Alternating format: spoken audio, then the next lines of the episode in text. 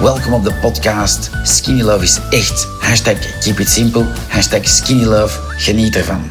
Hoe lang ben je nu al bezig met Skinny Love? Drie maanden. Drie maanden. En ben je er blij mee?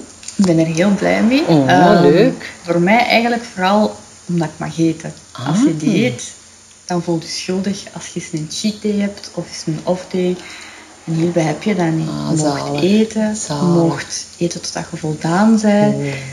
En je hebt ook heel lekkere productjes die dat je Ja. nog graag eet. Dus dat is geweldig. Ja, dat is enorm geweldig. En eh, heb je al een beetje resultaten op die drie maanden? Ja, ik ben nu 6 kilo afgevallen en voor mij ook, ik had eh, heel veel last van migraine en zo. Mhm. En ik voel mij gewoon ja, minder nood aan die momentopnames. Een keer een cola om dat beter te maken of tegen te gaan. Nee, met Skinny Lab heb je dat niet nodig. Want dat is Ah, heel super. de dag eigenlijk zet je in evenwicht. En dat is geweldig. Super, super. Dus je voelt ook, heb je ook meer energie en zo? Meer energie, meer doen, ja. Minder ups en downs. Je Oké. dag blijft gelijk.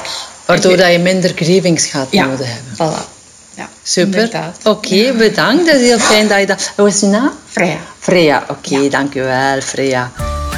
Mocht je nog een vraag hebben, met veel plezier stel ze in de Skinny Love Community op Facebook. Bye bye en hashtag keep on skinny loving.